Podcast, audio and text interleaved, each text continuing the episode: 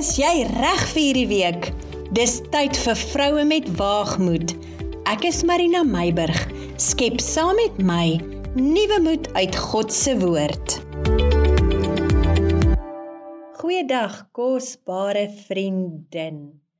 Hoe gaan dit vandag met jou? Hoe gaan dit met jou geestelik? Hoe gaan dit met jou emosioneel? Is jy gelukkig?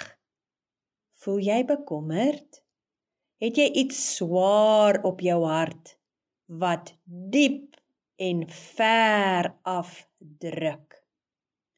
Het jy groot besluite om te neem of dalk 'n hoë berg om te klim? Wou jy soos ek vanoggend eerder jou kop net met die kombers toetrek en diep in die kooi inkruip vir hierdie koue winterweer?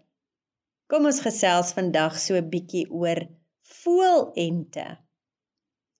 As jy 'n buitelug mens is, sal jy goed bekend wees met voelente. Dis 'n semi-parasiet wat vasgroei op bome en teer op hul plantsappe. Alhoewel 'n voelent kan eintlik selfonderhoudend wees. Voelente het groen blare waarmee hulle self kan fotosinteer vir voeding, maar teer op die gasheerplant se voeding om te groei. In sommige gevalle kan voelente 'n gasheerplant so oorgroei en verdring dat die boom begin wegkwyn en eindelik terugsterf. Vandag wil ek met jou gesels oor die belangrikheid om geestelike en emosionele voelente in jou lewe eerstens te identifiseer en dan om daadwerklik daarmee te deel. Ons dra baie keer laste wat ons so afrem en verhinder om te groei as mens, as ook in ons verhouding met die Here.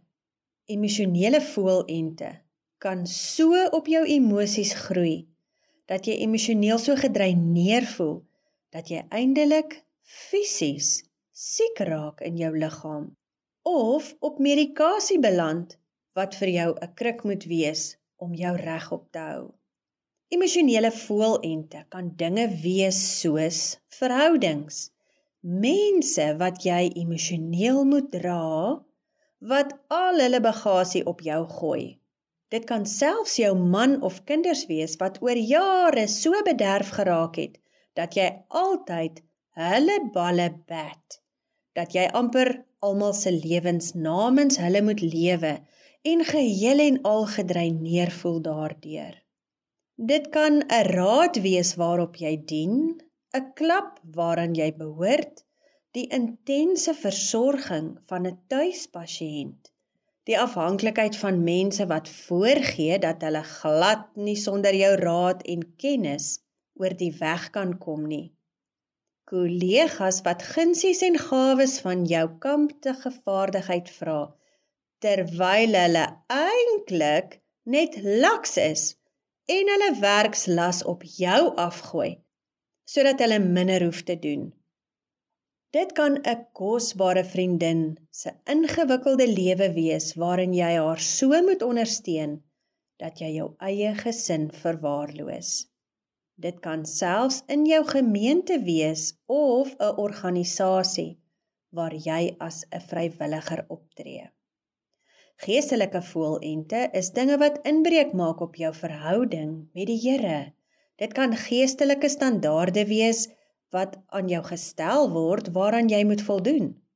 Mense wie sekere geestelike verwagtinge aan jou stel, byvoorbeeld om aanhoudend die of daardie kursus by te woon, om sekere lerings na te streef of selfs om so hard vir die dinge van die Here te werk dat jy nie tyd kry om by die Here van die dinge uit te kom nie.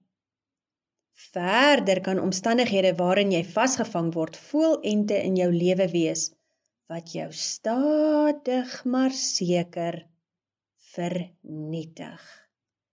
Dit kan ook dinge soos verslawing wees aan byvoorbeeld drank of pille en selfs pornografie of onnatuurlike seksuele behoeftes ontsnappingsmetodes en dinge waarmee ons onsself besig hou in 'n poging om met moeilike goed te cope, is ook voelente. Ek glo jy het sommer nou 'n goeie idee van dinge in jou lewe wat rooi ligte in jou gedagtes laat aangaan. Vriendin, as ek en jy blaatant eerlik is teenoor onsself, is daar beslis meer as een voelent in ons lewens. Om dit weg te steek en te maak of dit nie bestaan nie, gaan beslis nie die probleem oplos nie. Op die uiteinde is jy die gasheerplant wat stadig maar seker wegkwyn en jouself verloor in die proses. Laat ek nou sommer met jou mooi in Afrikaans praat. Kap die verdekselse voelend af dat jy net sien stukke spat en roei die wortels daarvan uit in jou lewe. Jy is die een wat tot nik gaan. Kyk na jouself, beskerm jouself staan op vir jouself. Weet jy? Kies jouself. Hoekom sê ek kies jouself? Weet jy?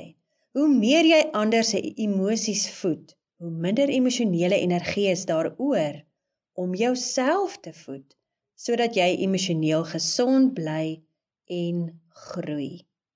Hoe meer jy ander geestelik voed, hoe minder geestelike energie is daaroor om jou persoonlike verhouding met die Here te voed. Dis nie verkeerd om jouself te kies nie. Nou verwys ek nie daarna om egosentries te wees nie, maar om na jouself om te sien en verhoed dat jy emosioneel en geestelik misbruik en verteer word. Nou vra jy vir my, Marina, hoe doen ek dit? Ek gaan terug na die voorbeelde wat ek aan die begin genoem het. Dan voltooi ons die sirkel mooi duidelik. Die eerste ding wat jy moet leer is om nee te sê sonder om skuldig te voel. Nee is 'n antwoord, net soos ja. Jy is nie verplig om altyd ja te sê vir alles nie. Iemand wat ongelukkig is omdat jy nee sê, moet jou glad nie laat skuldig voel nie. Wel, die waarheid is dis gewoonlik voelente wat eerste aanstoot neem en op jou gevoelens wil speel om jou skuldig te laat voel wanneer jy 'n stopstraat in hulle eenrigtingstraat sit. Voelente is gewoonlik in eenrigtingstraat verhoudings.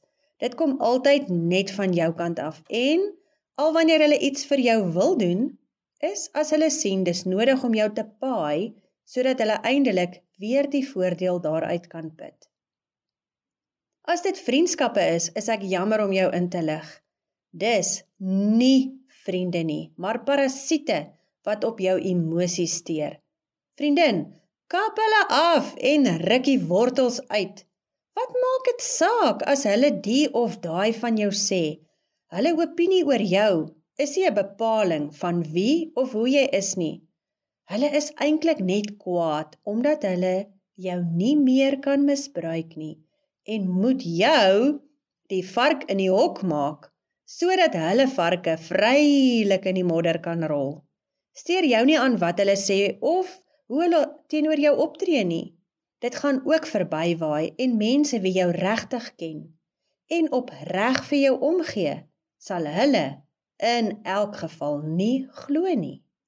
Nou kom ons by 'n moeilike een. As die voelente in jou lewe bederfde kinders en jou man is, gaan dit 'n bietjie werk van jou kant af kos. Kinders bederf nie hulle self nie, jy het hulle so bederf en jy het hulle geleer om van jou afhanklik te wees. Jy het self die voelente op jou geplant. Dieselfde geld vir jou man as jy alles vir hom doen. Dit het tyd geword dat jy jou kinders en jou man se afhanklikheid van jou speen. Ek sê nie gooi hulle weg nie. Ek sê speen. In plaas daarvan om altyd die broodjie te maak, laat hulle begin om self die broodjie te maak. In plaas daarvan dat jy die huiswerk en die take doen, laat hulle self begin om dit te doen. Natuurlik gaan hulle punte aanvanklik sak, want jy het hulle nie geleer om self te dink en self te Google en self prentjies te plak nie. Lei hulle met raad, maar nie in daad. Mamma, staan so 'n bietjie terug. Hulle emosionele volwassenheid is baie belangriker as die 5 of 10% wat hulle gemiddeld sak totdat hulle op hulle eie voete kan staan. En weet jy wat? Hulle sal self weer daardie 5 of 10% opmaak sodra hulle selfstandig hulle dinge kan doen. Dieselfde geld vir jou man. Daar is 'n duidelike skeidslyn tussen diensbaarheid omdat ek jou liefhet en misbruik omdat jy van my afhanklik is. As jou man in die gemakstoel gaan sit het toe jy getroud is en jy moet hom die hele tyd bedien, moet hy maar leer om sy stert uit die gemakstoel te lig en sy eie koeldrank in te gooi, sy koffie te maak, sy skoene op te tel en so voorts. Dis nie jou plig om agter hom op te ruim en netjies te maak en hom te bedien nie. Julle twee is mos in 'n verhouding en 'n gesonde verhouding is 'n twee-rigtingstraat. Dit kan nie net van jou kant af kom nie. Ek sien nie jy mag nou glad nie meer koeldrank en koffie aandra nie. Die fokus is op balans. Daardie selfde balans geld vir jou kollega. Sê byvoorbeeld, ek het jou al baie keer gewys hoe dit werk. Ek dink van nou af moet jy dit maar self doen. En weet jy wat? Die kans is goed dat jou kollega vir jou gaan vies wees. Hy of sy moet maar oor dit kom. Jy is geregtig daarop om vir jou geestelike leier te sê dat jy nie hierdie of daardie kursus bywoon nie. Jy hoef nie eens 'n rede te gee nie. Jy is vrywillig daar en daarom het jy 'n vrye wil om iets by te woon of nie. Jou verhouding met die Here is jou eerste prioriteit en dan jou gesin en dan die res. Ek wil jou graag herinner dat jy nie alleen is nie. God is elke tree van hierdie pad met jou. Hy verstaan jou uitdagings en hy wil graag hê dat jy moet groei en blom. Hy is met jou wanneer jy nee sê en hy sal jou die krag en wysheid gee om daardie konflik te hanteer. Beide in jou eie hart aanvanklik en ook as dit teenoor mense is. In Jesaja 41 vers 10 is daar vir jou 'n belofte. Kom ons lees dit. Dit sê: Wees nie bevrees nie want ek is met jou. Die Here sê: Ek is met jou. Kyk nie angstig rond nie want ek is jou God. Ek versterk jou, ook help ek jou. Ook ondersteun ek jou met my reddende regterhand. Jy hoef nie bevrees te wees nie want God beloof dat hy jou sal versterk en help en dat hy jou sal ondersteun. Verder wil ek jou aanmoedig om jou laste aan die Here oor te gee. In Matteus 11 vers 28 tot 30 sê Jesus: Kom na my toe almal wat vermoeid en belas is en ek sal julle rus gee. Neem my juk op julle en leer van my want ek is sagmoedig en nederig van hart en julle sal rus vind vir julle siele want my juk is sag en my las is lig. Daar in jou uitgeputte toestand sit jou hand in Jesus se sodat hy jou kan rus gee. Gooi jou laste af op hom en neem sy juk op en leer van hom. Sy juk vermoei en belas jou nie. Dit versterk jou en laat jou groei. Hy sal jou die krag gee om met die dinge te deel wat jy voor hom neersit. Moet nou nie dom wees en dit weer daar gaan optel nie. Los dit by hom dat hy dit vir jou hanteer.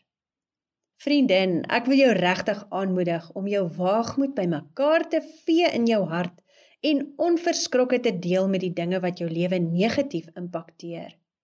Die dinge wat jou terughou in die lewe en jou verhoed om te ontwikkel en te groei as mens, beide geestelik en emosioneel. Paulus sê in Filippense 4 vers 13 dat jy alles kan doen deur Jesus Christus wat jou die krag daartoe gee. Onthou dat God jou toerus met die krag en vermoë om enige hindernis in jou pad te oorkom. Hy beloof dit dan. So, my pragtige dierbare vriendin, moet nie nalat om die voelente in jou lewe te identifiseer en uit te roei nie. Die dinge wat vir jou moeilik is om uit te roei, soos byvoorbeeld die versorging van 'n pasiënt in jou gesin, vra die Here vir 'n strategie en moenie skaam wees om hulp te vra nie. Jy kan ook mos maar partykeer 'n ou bietjie afkry. Kyk na jouself en laat ruimte vir rus en ontspan. Kom ons leef 'n lewe van vryheid, liefde en vreugde terwyl ons die Here vertrou vir sy voorsiening en leiding in ons lewe. Nou toe, ek groet eers tot volgende week. 'n Mooi en geseënde week vir jou.